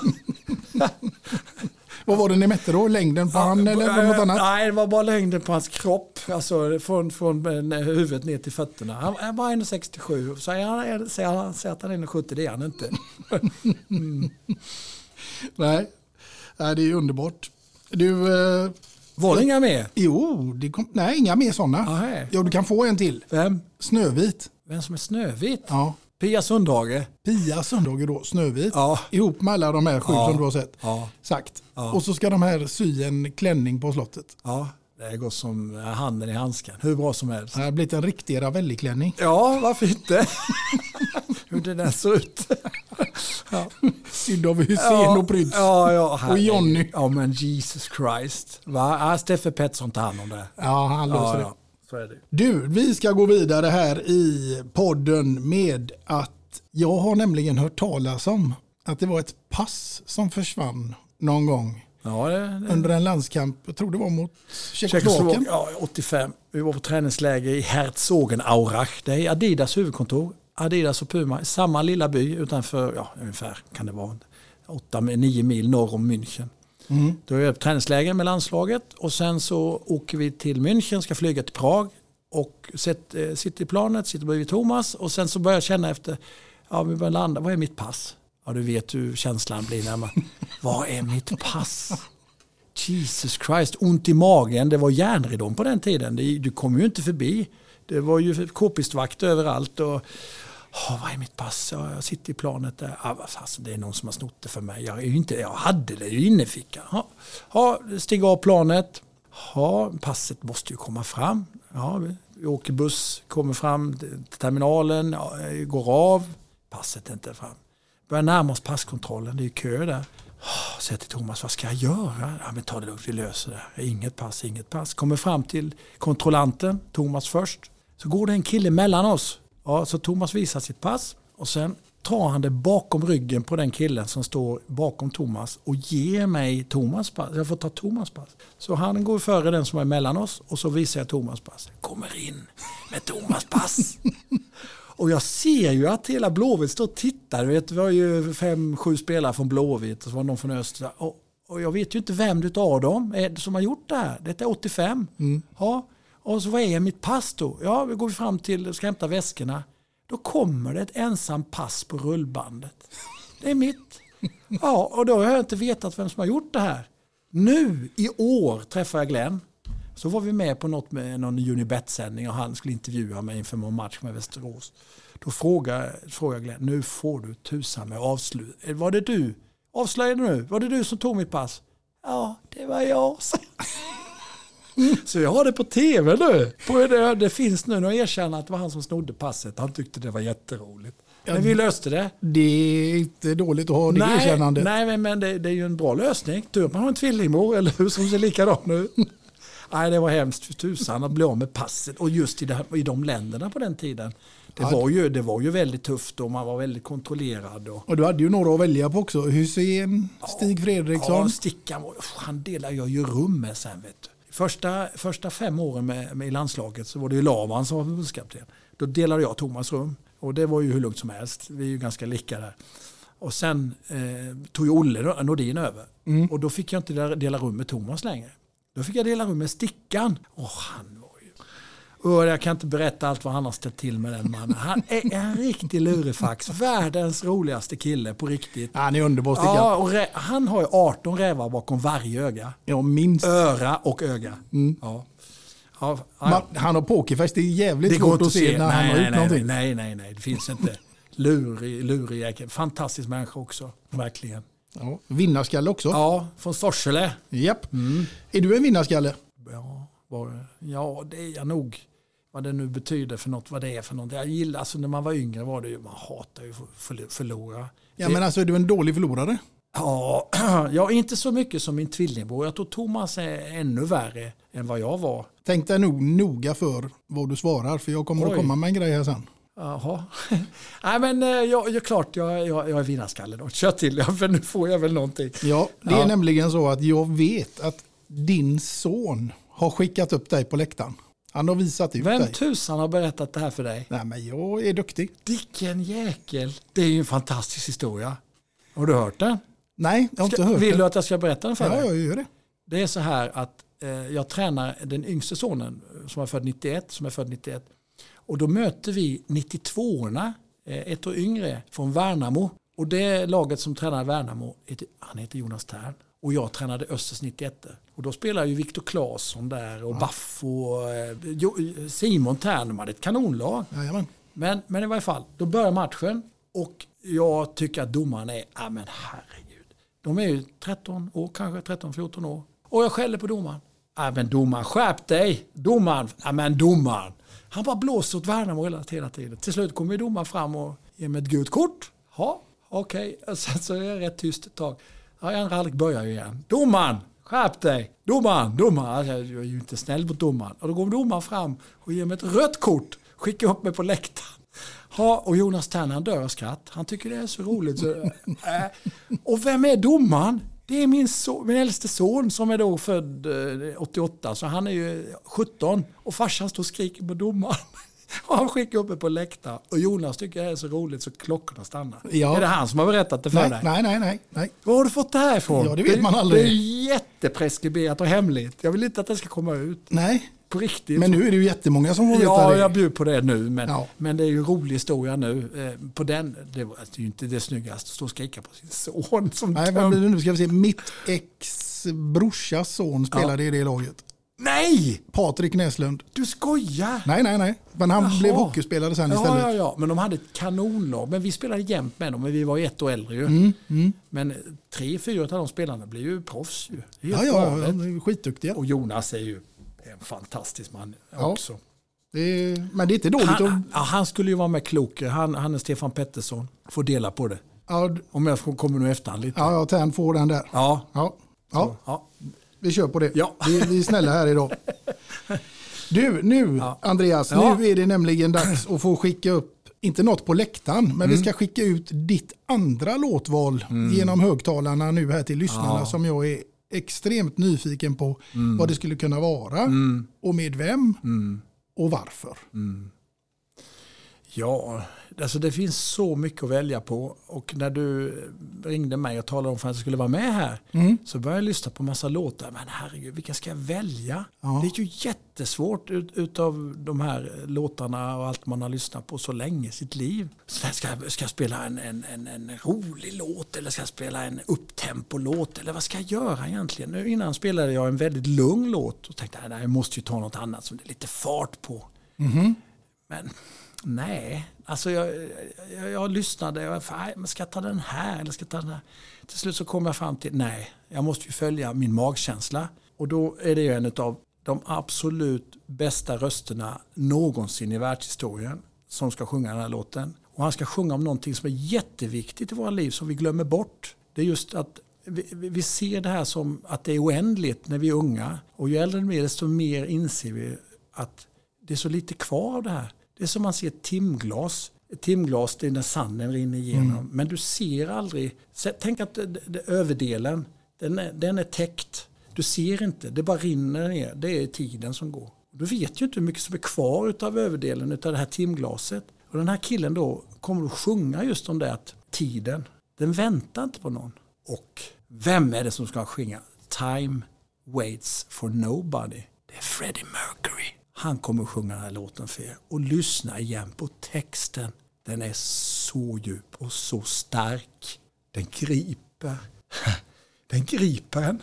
Så lyssna på den. Time waits for nobody med Fred Mercury. Time waits for nobody. Time waits for nobody. We all must play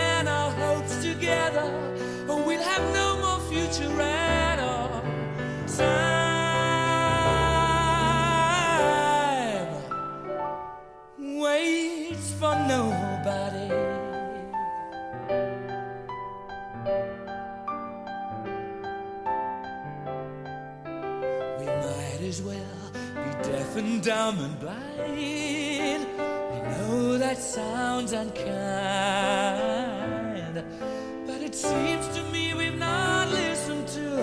or spoken about it at all. The fact that time is running out for us all. Time waits for nobody. Time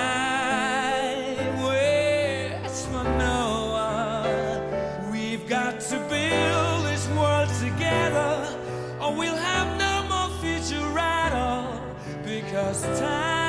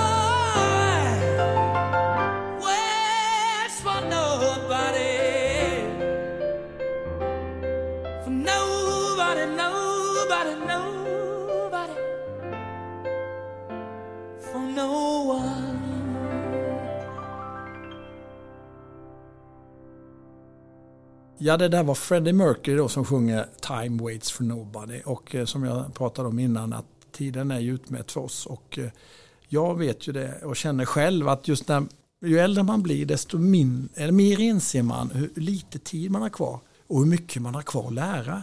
När man är ung och eh, fräsch, höll jag säga, men då, då går ju allt bara i rekordfart och man hänger med och man tycker man kan allt. Men ju äldre man blir desto mer inser man att man har så oerhört mycket kvar att lära och ödmjuk för, för allt eh, egentligen. För, för människor och, för, och framförallt det här med vänskap, långvarig vänskap eller ett äktenskap. Hur viktigt det där är. Mm. Att inte tappa bort eh, vännerna och, och, och sitt äktenskap eller den frun man hade valt. Att verkligen göra det tillsammans och hitta på roliga saker, göra saker och inte vänta. Mm. Vänta inte på det. Jag ska göra det imorgon eller jag ska göra det om en Mm. månad. Gör det nu. Mm. Vi vet ju inte. Nej, det är det som dig. är så konstigt. eh, Att vi människor, vi är de enda däggdjur som har en tidsuppfattning. Ju. Och vad är tid egentligen? Den går ju jättelångsamt ibland. Och ibland går den snabbt som tusan. Som Mm. du och jag när vi sitter och pratar. Ja, herregud, vad tar tiden vägen? Ja, det Eh, är... ja, den, bara, den kommer inte tillbaka heller. Nej. Dåtid kan vi glömma, eh, framtid kan vi också glömma. Det är ju här och nu när vi sitter och snackar. Och det är det som är så svårt Mm. att ta till sig. Mm. Så den här låten är ju fantastiskt vacker. Väldigt fin. Och han visste säkert då att hans tid var utmätt. Han fick ju aids och dog Mm. det då. Jag tror det var 91 han gick bort va? 46 år gammal. Kan vara något Ja, sånt, ja. Är det så vi- länge sedan? Ja, jag tror det. Vi, du- folk får googla. Jag, det- jag tror att det är det. Men eh, han 46 år tror jag han var. Hemskt. Han har, Ja, le- han har kanske levt nu. Usch. Ja, Ja. det är mycket man ska tänka på här i livet. Ja, så är det faktiskt. Du, nu är det så här, förstår du Mm. Andreas, att du är i final i Let's Dance. Oj. Tror det eller ej, men så är det. Det är ju ganska enkelt. Thomas var ju med där vet du va? Ja, det vet jag. Han ja, jag tror du hade gjort det bättre. Alltså Thomas blev ju målis för att Ja. han, alltså hans fötter, han har ju två vänsterfötter. Han, alltså han kunde inte spela utespel, han, han platsar ju inte ute. Nej. Så när, vi, när, vi, när han blev målis, då var han vänsterback och högerback, satt på bänken. Så jag spelade, var ordinarie, var inne i mitt fält, var duktig som tusan. Men Thomas fick ju inte vara med. Och då var även Stefan med. Vi spelade med någon som var äldre, så 57orna. Ja, och- då blev pappa så besviken så han ringde till tränaren och sa att om inte Thomas var med och spela då tar jag ut mina andra två pojkar, Stefan och Andreas, de är inte med. Då fick Thomas hoppa in och spela. Ja, han var ju inte bra. Han visste ju inte vad inkast var eller offside. Ja, Det trodde han var hörna. Och du vet. Han for runt där. Men hans fötter. Sen blev han ju målis när han var 12. För vår målvakt kom inte dit. Slängde vi in Thomas i mål. Där kommer han inte göra så mycket skada. Så blev han en fantastisk målvakt. Men när han var med i Let's Dance. Han skröt ju om att han hade lärt sig dansa. Så första avsnittet så var han ju med. Då fick han ju tre ettor. Den enda som har fått tre ettor första, första dansen. Så dansa kan han inte, det säger han att han kan. Jag tror ju, genom att jag var bra utespelare och bra med fötterna, skulle gjort det mycket, mycket bättre än Thomas. Mm. Så att jag hade nog tagit mig till final ganska enkelt. Det hade fått bli lite omvända roller där. Ja. Thomas hade fått kratta manegen för dig i Let's ja, Dance. Ja, och så kan jag komma in nästa. Nu har de ju avslutat. Det var varit kul om jag fick vara med någon gång där i Let's Dance och visa att du är mycket bättre är på dans än Thomas. Ja. Men jag, jag tror faktiskt inte att jag är det. Det är mycket snack och ingen verkstad. Men du, du frågade vilken låt jag skulle dansa till eller vad, vad är det du... Ja, jag vill veta, Ja. du får ju välja nu, död eller levande. Ja. Bara fantasin som sätter gränserna. Ja. Jag vill veta med vem du hade dansat Ja. och till vilken låt det är nu hade fått utspela sig. Uff, nu är du där igen och ja, det är svårt det här med alltså, musik. Alltså, jag kommer välja en kvinna som är det viktigaste i mitt liv, som jag kommer dansa med. Hon har varit det sedan hon var 16 år. Det är min fru Annika. Och vad är det för låt? Alltså, hon gillar ju inte The Bee Gees eftersom jag äh, har förstört hennes trumhinne med The Bee Gees i, i hela livet. Men jag hade faktiskt ta- tagit en Bee Gees-låt som heter How Deep Is Your Love.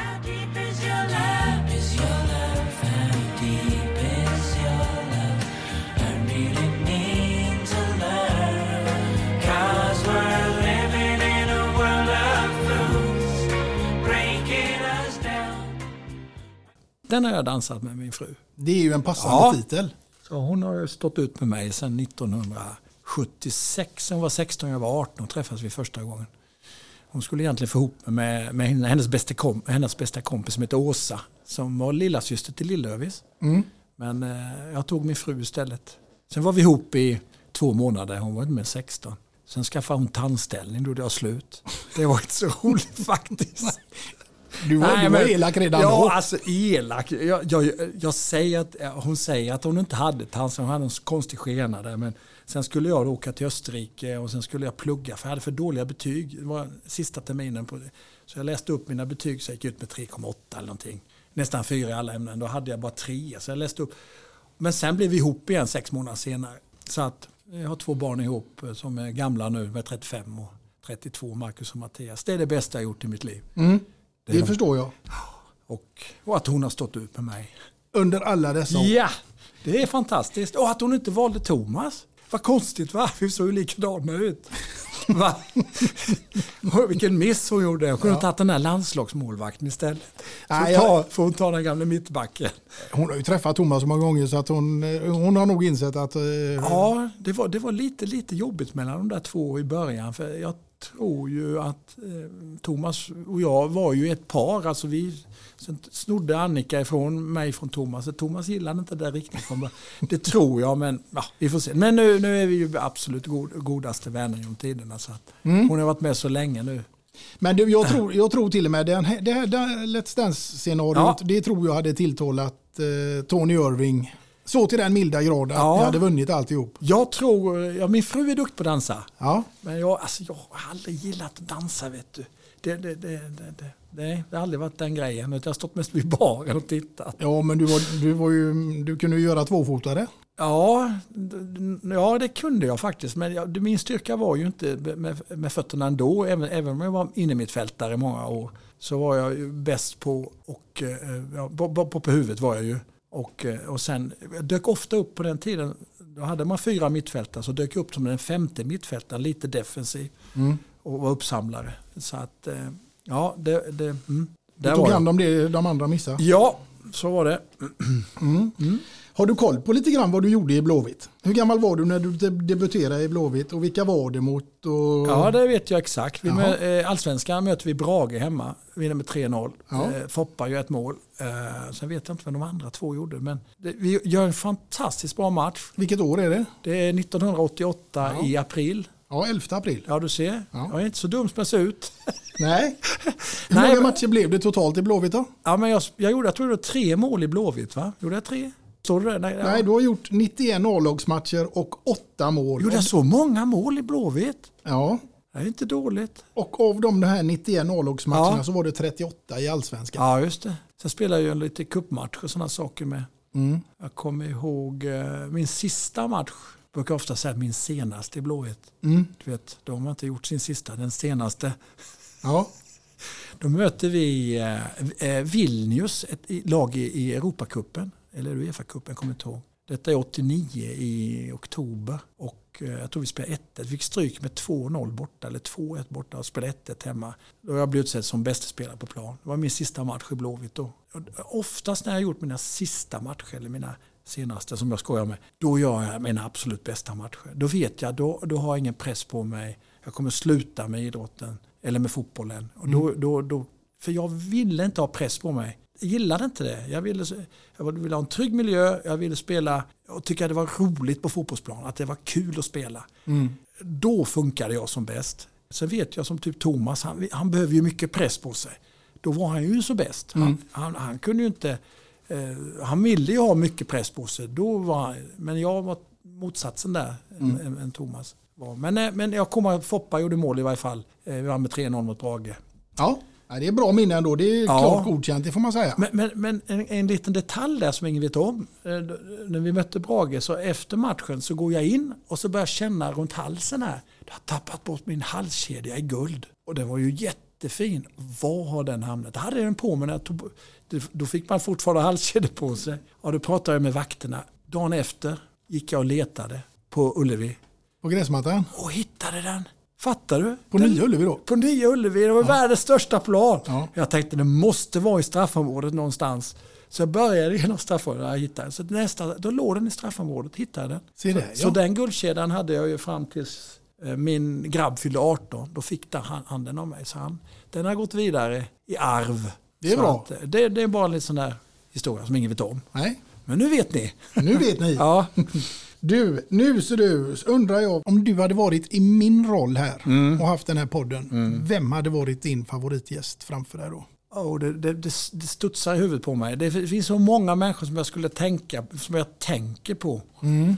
Fiktiva eller sanna eller viktiga människor. Alltså, jag jag är lite halv, halvreligiös där. Jag skulle vilja prata med Judas Iskariot. Varför förrådde Jesus för de där guldpengarna. Ja, det hade kunnat bli en lång podd i musikens. Undra, undra vad han hade sagt. Alltså, han tog ju livet av sig sen ju. Ja. Efter han hade fått de där pengarna.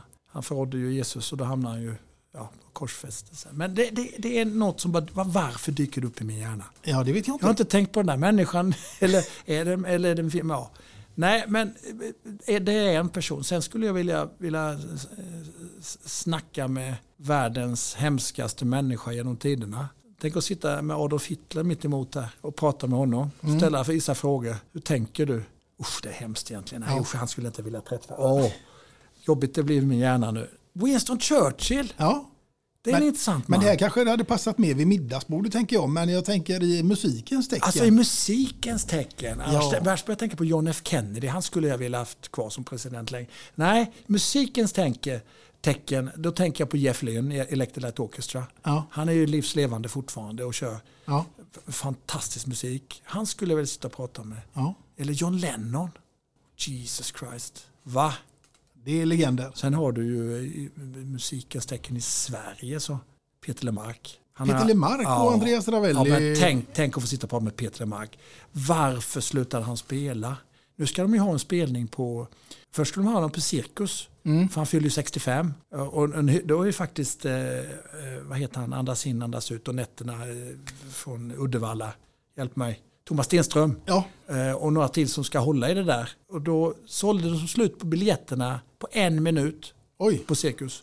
För det blir en hyllningskonsert till honom. Han ska inte själv vara med, vad jag förstår. Så nu har de tagit det till Globen. 13 000 biljetter. Nu blir det, jag vet inte om de har släppt dem. De kommer inte ta slut på tre minuter. Mm. Han är ju den mest älskade, en av de mest älskade artisterna. Och han bara slutar spela, vad jag förstår av scenskräck då.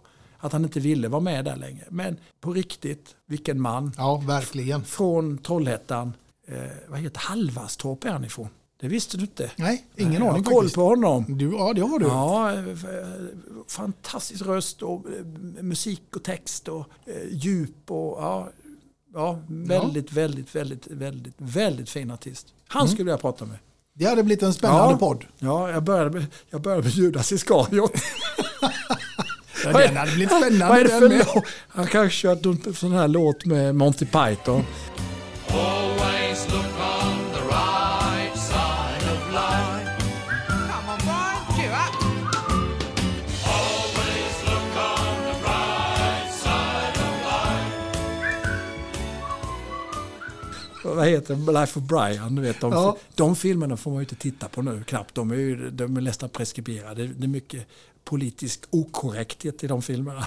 De I faktiskt. Glenn Hyséns favoritfilmer. Är det så? Ja, okej. de, och Pang i bygget. Pang i bygget, ja, med, med John Cleese. Ja, herregud. Ja, ja. ja, men det blir bra med, med Adolf Hitler ska vi glömma. Det Ja. blev inte bra heller. Jag ber om ursäkt för det, men det är min hjärna som inte funkar riktigt. Du, eh, Siv Malmqvist eh, hade velat träffa honom vid sitt middagsbord, berättade hon i podden. Nej. Jo, jo, be honom dra åt helvete. Nej, men Siva är ju öjsare. Hon är, håller ju på ÖIS. Ja, jo, Fantastisk kvinna. Lasse. Kronér tror jag också valde... Lasse? Lasse, ja. Ja, han Ja. lärde jag känna i Blåvitt-tiden med Triple Touch. Han, Ja. De var mycket uppe på Kamratgården eh, och sjöng. Mm. Eh, de tre grabbarna. Ja, fantastisk. Nej, han är grym. Och gillar Blåvitt. Ja, det Ja. får man lugnt säga. Ja. Du, eh, nu tänker jag att jag ska fråga dig något lite allvarligare Okej. innan vi börjar komma in på slutet här. Och Ja. vad innebär ordet livskvalitet för Andreas Ravelli? Oj, alltså livskvalitet, det, det finns ju många, många, många sidor där, eller många bitar som jag funderar på. Men just nu, där jag befinner mig nu, då har jag världens bästa liv. På riktigt. Jag var ju så orolig att flytta från Växjö till Stockholm i januari. Mådde inte bra av det och hur ska det här gå? Det är alldeles nytt. Jag bodde, bodde 25 år i samma hus. Mm. Eh, mer eller mindre hela mitt liv i, i Växjö med kompisar och visste vilka vägar det var och så vidare. Ja, och så skulle jag flytta till Stockholm. Hur ska det här gå? Men hör och häpna, jag mår så bra nu tack vare att vi gjorde detta. Det är tack vare min fru som är den tuffa av oss som vågar och gör de här sakerna. Jag bara hänger på. Nu har jag ett liv där jag får vara jättemycket med mina barnbarn. Mm. Och hämta dem på fritids och på skolan. Den ena flickan är sju, den andra är fyra, pojken. Och har en otrolig relation med dem. Och eh, det är livskvalitet för mig att få vara med mina barnbarn. Livskvalitet kan vara också att åka iväg, åka iväg och spela golf med min, en, en av mina bästa vänner som jag känt sedan jag var 16 år, Fidde Rosengren. Och, och två nya kompisar, handbollskillar, Martin Bokvist och eh, Martin Frändesjö som jag aldrig lärt känna innan. Få åka iväg och spela golf och vara tre dagar med dem i Visby. Det är livskvalitet för mig. Ut, ut och, och gå en promenad med min fru. Gå på eh, stycketräning ihop med henne. Bjuda hem kompisar, sitta och äta tillsammans och prata. Det är livskvalitet för mig. Mm, verkligen. E- Eller åka, åka en resa med mina syskon som vi gjorde nyligen. Mm. Ner till Milstadt, alltså där min mamma föddes. Som vi gjorde i maj. Det var också livskvalitet. Just att göra det här som man gör det nu och inte, inte längre fram. Och sen barn, barnbarnen och få påverka dem och få vara med i deras liv. Det Mm. hade jag inte fått göra med att kvar i Växjö. Nej. De bor ju här i Stockholm. Så det, är det svar på frågan? Eller? Ja men det tycker jag definitivt. Ja. Det tycker jag och det, det är väl klokt nog att man umgås med nära och kära Mm. och, och tar vara på den tiden. Exakt. Nej, absolut. Ja. Du, nu ska vi ta oss ifrån det till hur Ja. dina morgonrutiner ser ut. För det Oj. är jag nyfiken på. Nej, nej, snälla. Inte den frågan.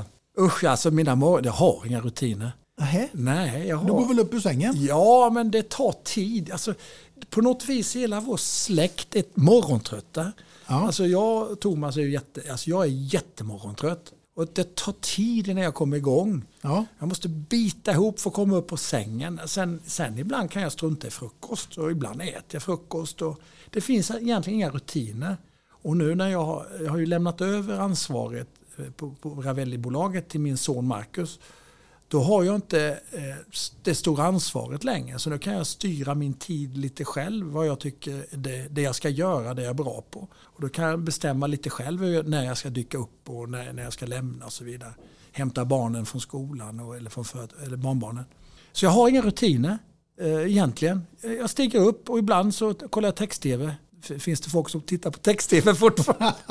Det gör det. Du och Ralf Edström. Ja, och Thomas Ravelli. Ja, Vi älskar ju text-tv. Men, men eh, kanske ta en kopp kaffe och sen åker jag till jobbet. Mm. Nej, jag har inga, inga rutiner.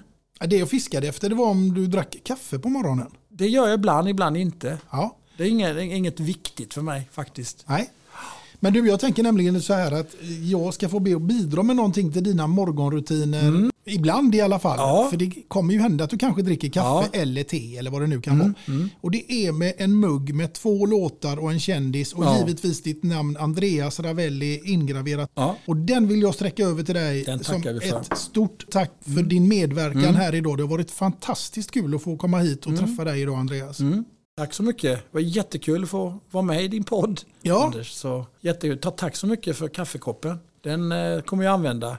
Men två låtar, det är bra. Men vem, är kändisen? Ja, det är du. Jaha, tänkte inte på det. Jag, jag ser Precis mig. som det står på kallingarna där. Ja, men jag ser inte mig, eh, för att avsluta, som någon kändis. Jag får undra, undra många gånger varför de tittar så. Ja, men ja, det är Thomas Ravelli. Ja, just det. Då är ju inte jag kändisen. De tror jag är Thomas.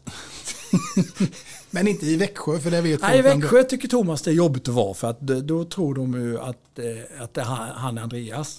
Det, fi- det tycker Thomas är jättejobbigt. men, eh, men, men så är det. Nej men tack snälla för att jag fick vara med. Det var jättekul. Ja, underbart. Ja, Är det någonting du känner att vi har missat? Nej, alltså jag, jag har egentligen en låt som jag tycker också är helt fantastisk. Eh, Thomas Stenströms nya låt här. Jaha. Det är ju Andas in, andas ut. Men den här Nätterna spelade min son, när han, min yngste son som gifte sig i år. Ja. Så hade de den låten, Nätterna. Den, är, den, ska de också, den kan vi inte spela nu men Ska, ska, vi, ska vi göra så att vi avslutar med den låten? Vi, vi, vi, vi, vi bryter alla regler och mönster och går utanför säkert? boxen. Och så Ja. kör vi tre låtar idag helt enkelt. Nej, tre låtar och en kändis. Ja. Och det, det är jag som är kändisen då? Ja. Okej. Så vi avslutar alltså med, Men hette, vilken nä- låt skulle vi nä- avsluta med? Nätterna med Thomas Stenström. Ja, Nätterna. Den spelade min son och hans lilla fru eh, Sofie. Ja. Då var hon ju helgravid där. Hon var i åttonde månaden. Och då sen, fyra veckor senare så kom lilla Adrienne. Men då spelade de den här låten. Det var deras låt. Det var deras låt. Och nu, nu tillägnar du dem den i denna stund när vi avslutar podden med denna. Ja, jag snor den rakt upp och det bara. Ja. Jag bara stod den. Ja. Då spelar vi den låten tycker jag. Som sagt var, det gör vi kära lyssnare. Stanna kvar och lyssna på den. Men framförallt så vill jag ju säga tack till er för att ni har lyssnat och eh, naturligtvis att ni finns med oss vid nästa tillfälle. Och vem som sitter framför mig då, ja det återstår ännu att se. Men tills dess så får ni ha det så gott där ute allihopa. Hej då! Hej då! Och då spelar vi den låten tycker jag.